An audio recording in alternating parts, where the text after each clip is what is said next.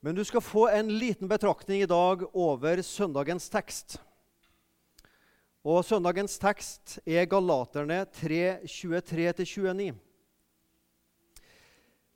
Vi ber sammen. Kjære Jesus, vi takker deg for at Paulus så klart i Galaterbrevet forkynner evangeliet om nåden, om at troa på din korsdød oppstandelse, Jesus, det er nok.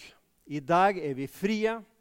Vi er fri fra å måtte følge lovens krav og bud for å blidgjøre en hellig Gud. Takk at evangeliet er nok. Amen.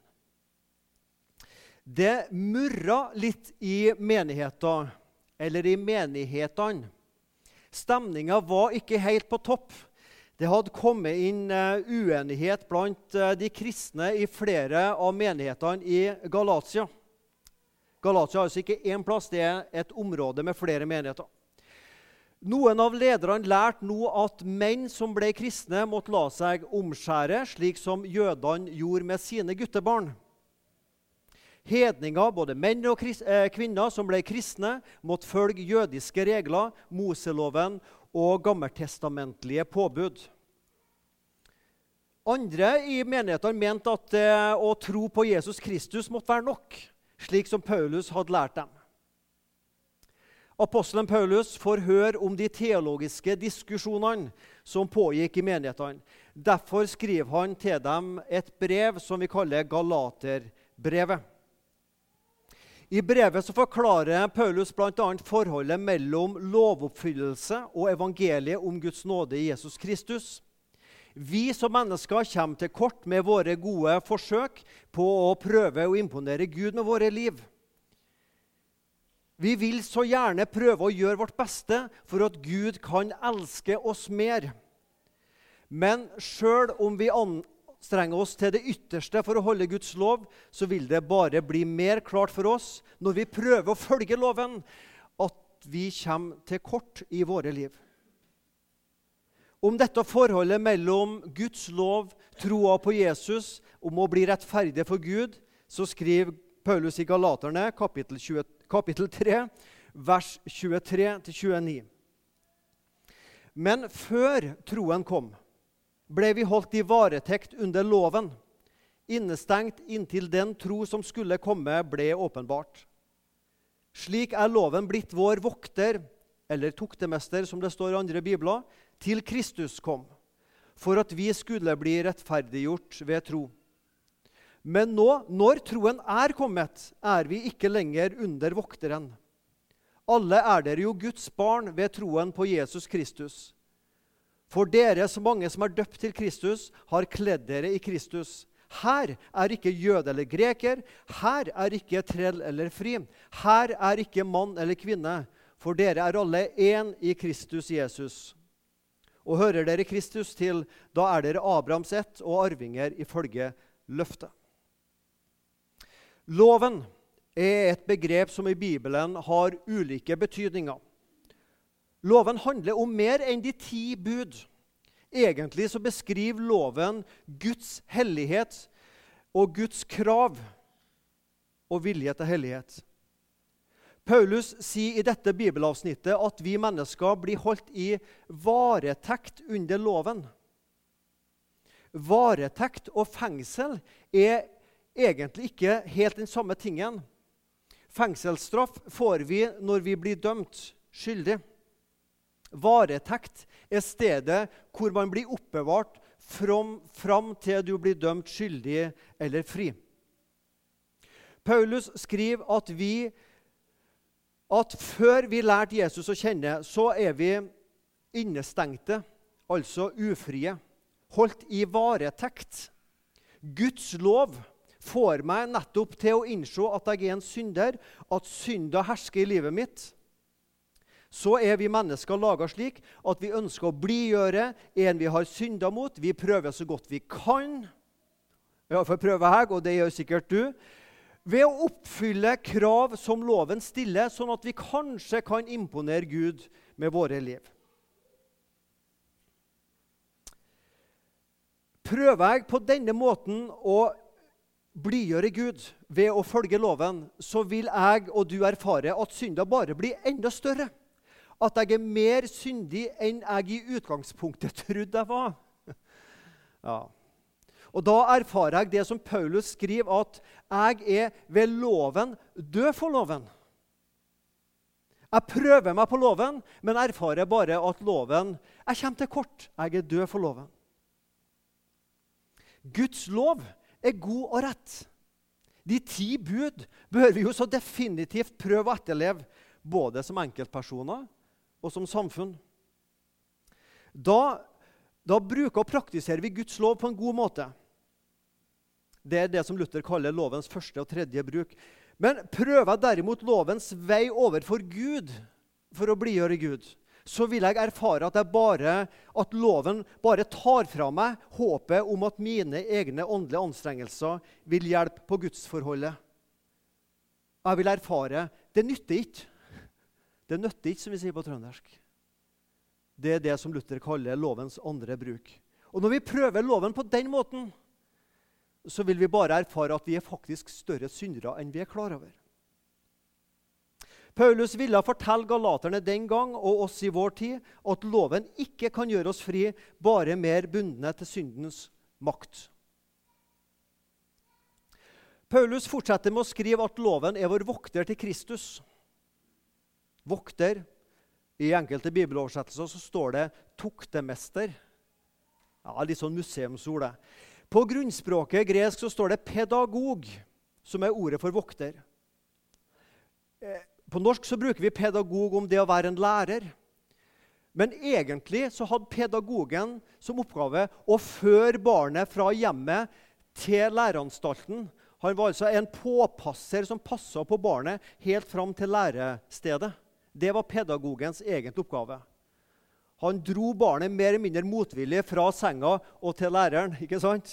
Er vi med på den? Ja, vi er med på den. Så han var ikke veldig populær, pedagogen, vokteren. Slik bruker Paulus et bilde for å få fram et poeng at loven, Guds lov, var en vokter som leda mennesket fram til den endelige læreren Jesus Kristus sto fram. Kanskje kan vi tenke på ordet 'påpasser', at loven skulle passe på den troendes liv fram til Kristus ble født og evangeliet i menneskelig skikkelse sto foran oss. Nå er Kristus kommet, og nå gjelder troa og ikke loven som det prinsipp vi skal leve vårt trosliv etter. Troen, eh, loven vokta oss fram til Kristus. Nå er det kommet et nytt trosinnhold. Både i denne bibelteksten og ellers hos Paulus så finner vi en dobbelthet når det gjelder loven. Altså, For det første så hadde loven sin glanstid fram til Jesus kom. Samtidig kan vi også forstå uttrykket en vokter, en toktemester til Kristus, på et litt dypere plan. Og det er på følgende måte. Når jeg av god vilje og du av god vilje ønsker å oppfylle lovens krav og bud, for å prøve å imponere Gud, så vil jeg og du bare erfare syndens realitet i våre liv bli enda større. Til slutt må jeg innse og innrømme for meg sjøl og Gud at jeg ikke klarer å lage min egen vei til Gud. Og jeg må gi opp dette prosjektet at, og tro at Gud belønner mine åndelige anstrengelser for å gi meg sitt vennskap. Erfaringen av å komme til kort overfor Gud er en følge av mitt forsøk på å oppfylle lovens krav og bud. Jeg må bare kapitulere overfor den hellige Gud. Og da har jeg bare ett håp igjen at Gud vil ta imot meg i sin nåde. Da velger jeg bort lovens vei og vil i stedet tro på Jesus, på Guds nåde og Jesu rettferdighet. Og På den måten så har loven blitt en vokter, en toktemester, som har drevet meg til Kristus. Jeg kapitulerer sjøl, og jeg bare må legge meg foran Kristus og si hvis ikke din nåde nå hjelper, så er det ute med meg. Loven hadde sin tid fram til Kristus. Loven gjelder fortsatt i dag. De ti bud er ikke oppheva, men de er oppfylt. De er ikke kasta på historiens søppelfylling, loven. Nei, men det mente heller ikke Paulus. Guds lov er rettferdig og god. den kan likevel ikke hjelpe oss til å bli rettferdige for Gud. Den kan bare avsløre at vi er syndere og kommer til kort overfor en hellig Gud. Helt til slutt i dagens bibelavsnitt så sier Paulus at vi som er blitt døpt til Kristus Jesus, er kledd i nye klær. Klær skaper folk, sier uttrykket. For mange er det viktig å ha riktig merkevare.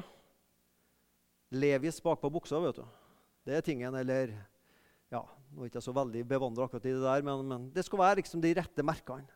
Det fins en merkevare som du står på dine klær, og det er ikke Levis, men det er Kristus. Å legge fra seg gamle klær og kle seg i det nye sier noe om at vi i Jesus har fått en ny identitet. Dette er meg. Dette definerer hvem jeg er. Og så er det ikke lenger jeg og du som eier klærne, men det er klærne som eier oss og definerer oss. Dette er den kristne dåps egentlige betydning, at nå tilhører vi en ny eier. En ny herre har ved dåpen flytta inn i hjertet mitt. I dåpen er vi alle like nakne og hjelpeløse. Vi er også like på den måten at vi kommer til dåpen med det samme utgangspunktet, at vi er syndere. Vi trenger videre den samme frelse som vi mottar i den samme kristne dåp. Derfor kan Paulus si at her er det ikke forskjell på slave eller fri, menn eller kvinner, jødekristne eller hedningekristne. Gud gjør ikke forskjell på måten han frelser oss på, uansett kjønn, sosial eller åndelig stilling og rang. Helt til slutt. Det fantes altså noen jødekristne på Paulus sin tid som mente at hedningene som ble kristne, måtte omskjæres og holde og leve etter de jødiske lover hvis de skulle være skikkelige kristne. Enkelte jødekristne ville holde troens far Abraham for seg sjøl. Skulle hedningekristne få kalle seg barn av Abraham, ja, så måtte de jammen meg leve etter de gammeltestamentlige lover og regler. Men Paulus han så faren som lurt. De nye kristne Galatia ville fort miste friheten i evangeliet hvis de fulgte disse falske rådene. Derfor bruker Paulus så stor del av Galaterbrevet på å understreke at den kristne friheten ligger i evangeliet om Guds nåde og rettferdighet, og ikke i graden av lovoppfyllelse.